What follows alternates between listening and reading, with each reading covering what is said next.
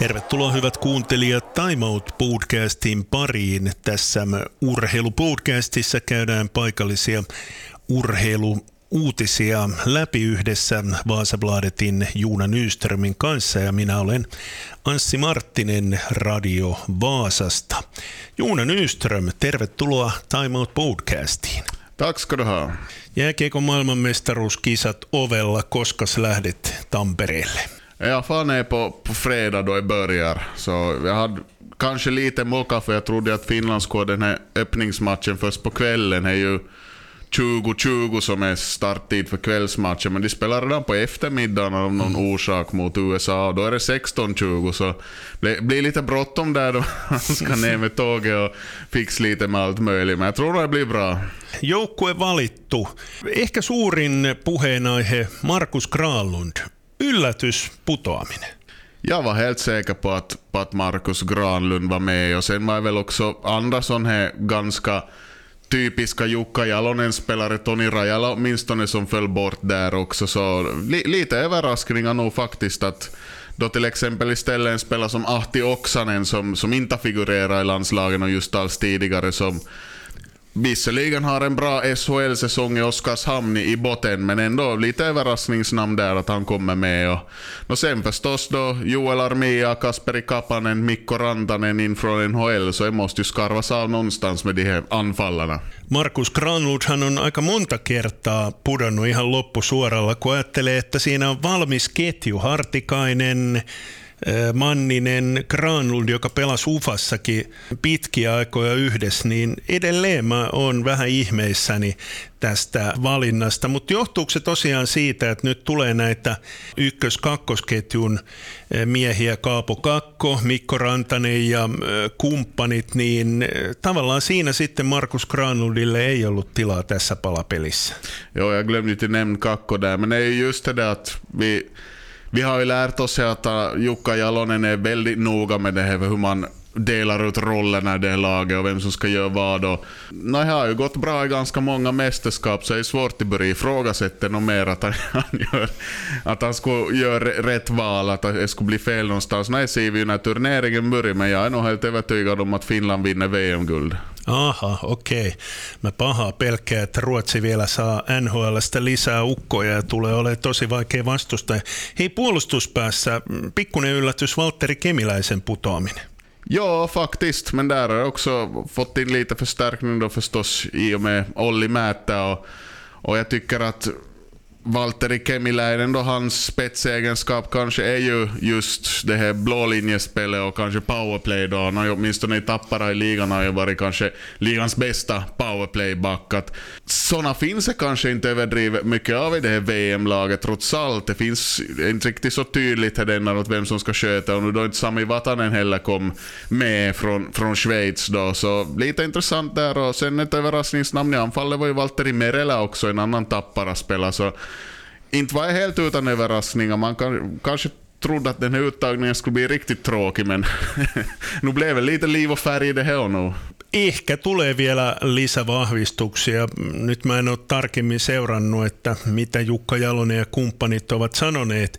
Mun mielestä siinä luki jotain tyyliin, että sivusilmällä seurataan NHL-tuloksia. Eli se tarkoittaa kyllä sitä, että edelleen varmaan jätetään muutama paikka vapaaksi. Ja, det beror ju förstås på hur länge de här slutspelsserierna pågår nu då i NHL. Det är ju till exempel nu Florida så leder ju 3-0 i matcher över Toronto, så därifrån så lär inte komma några förstärkningar. Inte. Jag tror inte att de tappar det. Inte händer ju, har ju någonsin hänt eller har hänt någon enstaka gång. Men sen just som du sa med Sverige, så där som Toronto trillar så finns det till exempel en William Nylander som kan vara en enorm förstärkning i, i Sveriges VM-lag.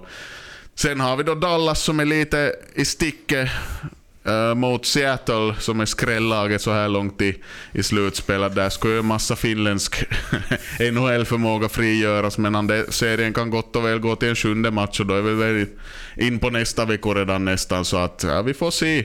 Tycker nog ändå liksom att det lag som man har på benen, som Finland har på benen, så ska nog räcka gott och väl. Paljon on puhuttu muistakin joukkueista. Ruotsi saa varmaan aika hyvän joukkueen kanssa. Tsekki tulee olemaan varmaan aika vahva, mutta Kanadasta kerrottiin, että ehkä kaikkien aikojen huonoin joukkue olisi tulossa nyt näihin kisoihin. Ainakin jostain lehtijutusta luin näin. Ja, jag skummar igenom Kanadas trupp och kanske största namnet där är en spelare som Milan Lucic som okej, okay, helt okej. Okay också liksom poängmässigt, men han är väl främst känd som en, lite av en buse. Så att Kanadas trupp är jätteanonym, USAs trupp är jätteanonym. Så jag ser Sverige som Finlands största utmanare där. Vi får se om de får in mer förstärkningar, men de har ett bra lag redan och de har ett bra coachat lag med Sam Hallam som förbundskapten. Samma sak i Tjeckien, där kanske inte var så mycket NHL-stjärnglans men nu har ju Kari Jalonen fått jobb där i lugn och ro ett tag och, och byggt ihop det här, det här spelet och Tjeckien kan nog vara riktigt starka i VM och, och sen så ska jag tro att Schweiz kommer till utman bra. Att jag, jag har inte sittande den slutgiltiga VM-truppen än, jag vet inte om man ens är offentlig, men där var ett tal om att de kommer att få en del förstärkning från andra sidan Atlanten. Och de såg ju pigg och bra ut mot Finland i, i Brno i lördag. Så Sitten siirrytään Vaasan sporttiin. Puhuttiin pitkään, että Atro Leppänen on tulossa sporttiin ja nyt sitten on kerrottu, että kahden vuoden sopimus, mutta tryoutilla. Eli siinä on elokuun loppuun taisi olla tuo tryout-jakso. Jag tycker att det är helt vettigt. Och, och liksom förstås, man måste ju få spelaren till gå med på det också om det ska bli, bli ett kontrakt. Så det, men att Artur Leppänen har aldrig spelat i ligan. Han har aldrig känt av ligatempo. Så att, eh, då ska man nog ha en tryout där. Och visserligen så blir det ju några ligamatcher, men jag förväntar mig att Sport till exempel spelar Pizzi-turneringen igen och får in de här tre, fyra bra träningsmatcherna där, no, någonting åt det hållet. Så, och då på handtiden så ska man väl nog kunna ta ganska klara beslut och, och bedömningar av att vad håller den här läppen för. Tehopisteet on aika hurjat. 51 ottelu, 58 tehopistettä. Ja nyt puhutaan puolustajasta. Eli 23 maalia, 35 maalisyöttöä tietysti Mestiksestä nousu liikaan on sitten aivan erilainen askel eteenpäin, mutta toivotaan, että Atro Leppäsen kehitys siitä vaan jatkuu edelleen. Varmasti me vielä odotellaan vahvistuksia, ainakin tuonne puolustukseen mä kaipaisin edelleen lisää vahvistuksia. No ja, det blev ju rekord för backar i grundserien faktiskt i Mestis, men då får man ju också beakta det att han spelar ju i i Mestis bästa lag, eh, bäst i grundserien, Kiekko Espoo och, och här förstås så bygger ju på andra po poängproduktionen. Nu, nu om man klarar tryouten så kommer han ju till spel i ett utmanarlag, om vi använder ett sånt uttryck, i FM-ligan och då blir det en helt annan grej att producera poäng, vilket vi har sett att det inte är alltid så lätt. Och, och, men sport behöver ju sådana producerande backar och och nu är det ju lite sådär frågetecken och jag diskuterade det här med en kaveri då man ser på liksom hur sportsförsvar och anfall nu ser ut i den här byggnadsfasen så är det lite som en pansarvagn som står och balanserar på en liten skateboard på något vis. Att framåt ser det jättebra ut och det finns massvis där men försvaret är nog lite sådär att det är unga spelare inte kanske så bepröva ännu, inte har slagit igenom och så har vi just som till exempel då Valtteri Hietanen då som ska bidra med rutinen då. Nu kommer det ännu en sån här, ett oprövat kort in då tillsammans då med, vad har vi där? Vi har Bine Masic och vi har, vi har till exempel Ato Arnio då. Så det skulle nog måste vara en riktig, riktig toppback nu som blir den här eventuellt sista värvningen till försvaret för att man ska börja känna att det ska bli någonting av den här nästa säsongen. För annars känns det laget lite obalanserat, det måste man ju nog säga. Puhutaan vielä lyhyesti Ilveksestä. Ilves on tehnyt 14 pelaajasopimusta. Siellä löytyy muun muassa maajoukkuepuolustajaa Niklas Freeman ja on entistä maajoukkuepelaajaa Oula Palvetta, mutta oikeastaan syy, minkä takia halusin ottaa tämän Ilveksen esille, että HV71 Ilvekseen siirtyy maalivahti Juunas Gunnarsson, 31 vuotta ikää Onko tässä nyt niin, että ruotsalaiset kyllä tulee liigaan, mutta sitten he ovat näitä varttuneempia pelaajia? Onhan siellä nuoriakin pelaajia tullut liigaan, mutta ainakin jos miettii sporttia, niin enemmän on tuota veteraaniosastoa. ja, no Ilves har väl just haft en av de här yngre förmågorna, Leo Löv som har spelat jättebra, den här svenska backen. Och, jag vet inte sen om jag funnits någon sån bredare kontakt mellan HV och Ilves, för Tommy Tikka får ju från Ilves till HV då istället ganska lir i Sverige. Och de satsar ganska hårt där. Så. Men nu är det ju kanske lite så det tecken att, att, att svenska de här spelarna de här med, lite mer rutinerade så, så tar ett steg till Finland och för att kanske se någonting annat i sin karriär och, och, och prova på någonting annat. Att det är ju förstås, det kan ju ge ett lyft i egna karriären också, att man får lite ny miljö omkring sig och, och, och sådana. Inte ser jag ju kanske någon riktigt tydlig trend ännu åtminstone, men åt, åt andra hållet kan man ju säga att i SHL har man ju fått upp ögonen mer och mer för de finska spelarna nu. Till exempel då en sån som Antti Suomela gjorde succé, han också i Oskarshamn, liksom den här Ahti Oksanen. Och, och, och, det finns ju en tradition där om man tänker på vad finländska spelare som har varit och spelat bra i Sverige. Du har Tomi Kalli och Raimo Helminen, Marko Jantunen och de hennan. Så att nu, det växelverkan så fortsätter, men kanske lite att det lutar över att svenskan också börjar komma hitåt. Time Out Podcast käynnissä. Studiossa ovat Vaasabladetin Juuna Nyström ja Radio Vaasan Anssi Marttinen. Vaasan palloseura nappasi kolme pistettä, voitti IFK Marjahamnin, mutta mun täytyy Juuna myöntää, että mä en ole ikinä ollut varmaan niin pettynyt ja vihainen Vepsun voiton jälkeen. Mä olin tosi pettynyt pelin jälkeen. Det är så typiskt det här Nirso Vasa-publiken, att äntligen blir det mål och tre poäng och då ska man vara arg på det. Ei, kyllä se viimeiset 30 minuuttia oli aika tuska. Ja, första halvlek var ju superbra VPS, alltså total dominans och, och precis som båda tränarna och spelarna också sa efter matchen att BPS borde ha gjort fler mål där och, och kanske stängt matchen ganska långt. Men nu, nu blev det ju inte så. Fast det kom ett mål sen i början av andra halvlek och så Sen där just på något vis så bara klappa ihop spelet. Mitt i allt så, så gav man ungefär bollen åt, åt IFK och så ställde man sig och väntade på vad de skulle hitta på. Och no, det blev ju bara ett insläpp till slut på, på en lite tveksam straff. Så på det viset så var ju inte så farligt, men det skulle jag kunna bli. Jag menar IFK hade, vad hade två, tre ribbträffar där och det var någon sån härdel emellanåt. Och mycket snack efteråt förstås handlar ju om att, att, att Jussi Nuorela och tränarteamet de höll inne på bytena till exempel. Att skulle man inte kunna byta in någon, säg Steven Morrissey tidigare och få lite mer fart och lite mer jobb dit upp i anfallet. Och Sen å andra sidan så är det ju svårt i denna då man vill inte kanske rubba balansen på plan allt för mycket men kanske inte riktigt gick till 100% den här gången. Att, sen då man gjorde de här bytena då så sackade det spelet ihop bara ännu mer. Att det gav inte alls den önskade effekten att man skulle som få lite mer energi och driv och balans i. Så, men, men, om man tänker på säsongstarten så, så tror jag nog man kan som kasta ut allt det denna genom fönstret och bara konstatera att de där tre poängen behövdes nog. Joo, kolme pistettä tarvittiin ja turha tässä nyt on lähteä ehkä enempää sitä peliä käymään läpi. Siinähän oli harmittavia tapahtumia. Tyler Reed jälleen loukkaantui tosi tärkeä pelaaja. Varmasti hänenkin poissaolo sitten toisella puolella näky, näky, koska siellä laidalla ei sitten ollut sitä voimaa, jota olisi tarvittu. Mutta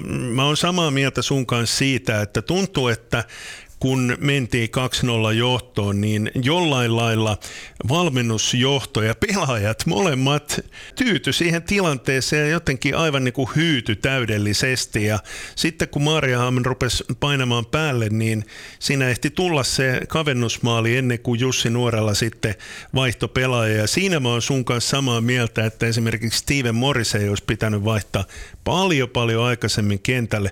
Hän pääsi kentälle, veti heti erinomaisen laukauksen ja sai siitä kulman aikaiseksi. Sitten Saavio.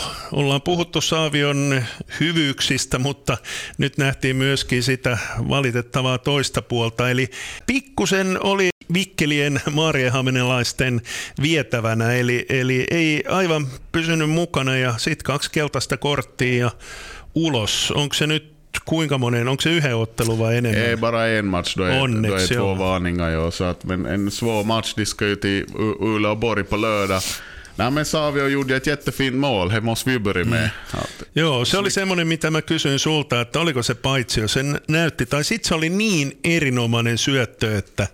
Ja, että- alltså, vi måste ju kanske börja där att det var ju Samu Alanko som på första, ganska svår balans, slog en perfekt passning över linjen. Och Savio kom ju liksom och kurva neråt lite, så det som man ska göra för till undvikande offsiden. Så jag, om jag var offside så, så får vi väl gå kanske på påstå att det var en sån offside som var så tight så att inte man helt enkelt kunna se det som, som linjer i de mänskliga ögonen. Då tycker jag är okej. Sen avslutet var ju liksom, det var ju så det, man såg att det är en lirare för att han rullade så långt innan där vid bortre stolpen att inte något hårt, inte något överdrivet men helt otagbart ändå för målvakten. Och, Eikä mikään helppo paikka, aika pieni kulma. Ja, lite i vinkel, men perfekt avslut. Eh, sen just med det här utvisningen då, så han tog väl det första gula kom väl i första halvlek om jag minns rätt då.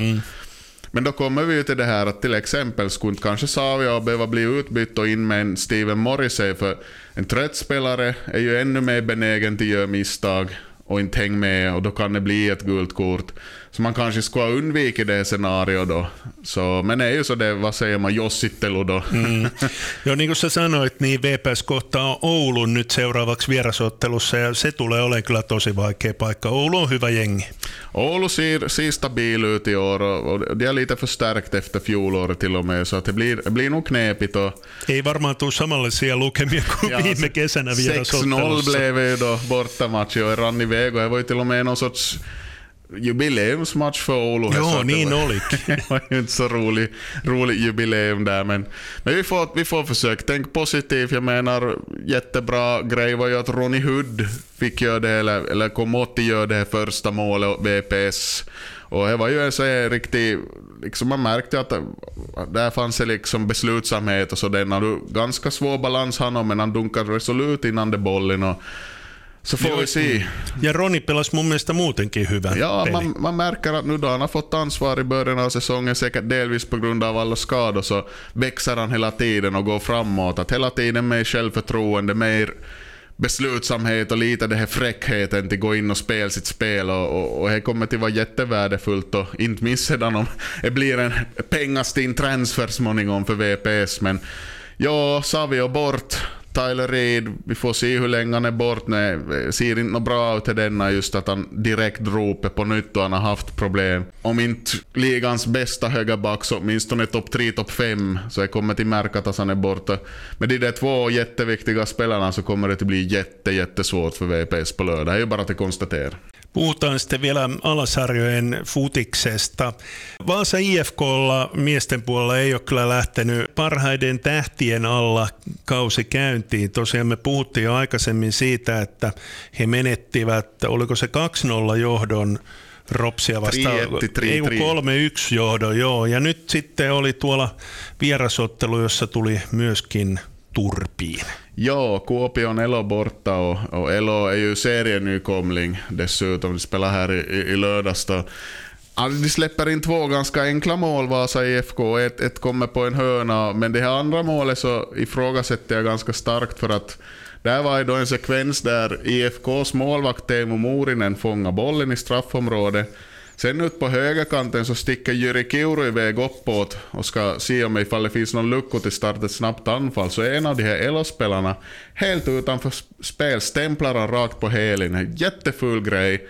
Som inte ens blir frispark för ingen av domarna ser det. Och direkt efter det så slarvar sig Morinen med bollen då och så blir det mål igen. Så att det var jättetung första halvlek. Men sen i andra, alltså både första och andra halvlek så var ju IFK ett klart bättre lag spelmässigt. Det var bara här de lyckades inte förvalta. Att Kiuru hade ett bra läge i första. Sen gjorde han mål då i andra på en alldeles fenomenal passning av Fabrice Gatambi, alltså Fabo som eh, debuterade i ligan för VPS för ett par år sedan. Men, men då är det ju också där ett problem för IFK då att den här Fabo är inte riktigt helt i 90 minuters skick heller. Att, att de, har, de har det lite knepigt nu. Jättestor match för deras del nu som i säsongstarten. De spelar derby hemma mot JBK på lördag. Sitten ihan lyhyesti vielä Suomen kapista, nimittäin ruutuhan niitä esittää. Ja itsekin katsoin, olikohan se nyt sunnuntaina ainakin jonkun aikaa, tota, mistä me olemme puhuneet paljon tästä Fish United, taisi olla tämän seuran nimi tuolta Tampereen suunnalta. Mä oikein rupesin tutkiin sitä. Se taisi olla Pirkkalas aikoinaan perustettu ja se oli tämmöinen kaveriporukka jengi, joka aloitti seitsemännestä divisionasta. Onko täällä Vaasan seudulla edes sellaista divisiona tuskinpa? Eli seiskasta aloitti ja nyt taisi pelata vitosessa ja piti aika pitkään Sportin Kristiinaa tiukilla eli kolmosdivari jengiä, mutta taisi loppujen lopuksi päättyä, onko se 0-5 vai enemmänkin sitten? Jag tror det var 5-0 joo. joo. Ja, de steg väl från sexan till femman i fjol tror jag, det här mm. Fish United. Då. Men det är, så det är ganska klassiskt i kuppen att du kan sumputta ganska länge så länge du orkar. Men jag satt faktiskt och såg en stund på den här matchen och man märkte nog där sen i början av andra halvlek att nu börjar det nog vara puht i loppet. Kondisen räcker inte riktigt till så det blev till slut en promenadseger Sporting. Och men det kommer inte bli alls samma stuk då, då VPS ska spela en intressant cupmatch småningom. Det måste vi ju lite nog ändå nämna det här SJKJ Apollo som VPS ska spela mot. Att mm. det är ju inte något pubigäng denna utan du har gamla landslagsspelare, gamla ligaspelare. Som Mika, niin, oliko siellä Hetemaakin Mika? Ojala, Mehmet Hetema, Jyri Hieta har ju Eh, Eh, den här Luis da Silva, SJKs gamla målvakt som är målvaktstränare, alltså de kan på riktigt göra det ganska besvärligt för VPS då de ska mötas. Förstås bara kondisen lite räcker till och där är ju också VPS förra tränare Christian Sund brukar spela med det här laget och, och det finns några namn till där och nu som inte kommer på. Tero Männistö, alla sådana här. Det kan bli en lite intressant match om man som tänker som premissen liga mot division 6, men sen om man ser spelare för spelare vad de har där så... jag vet inte. Tempo pitää pitää ainakin ja, Vepsun. Verkligen, det gäller nog till spring nu. Jag vet inte om det var officiellt spikat, men jag tror han kommer att spelas 17 den här matchen i Seinäjoki. Det skulle betyda nästa veckos onsdag. Och då, själv är man ju tyvärr på hockey-VM, annars skulle jag nog ha farit till Seinäjoki och se på det här spektaklet, för att det kan bli ganska intressant, på gott och ont för VPS del. Toivottavasti tuo ottelu näytetään ruudusta. Jag tror jag säkert att de kommer till visio. Kyllä. Juuna Nyström, kiitoksia tästä juttutuokiosta ja ensi viikolla Time Outissa otetaan sitten yhteyttä Tampereen suuntaan. Så gör vi. Tack ska du ha.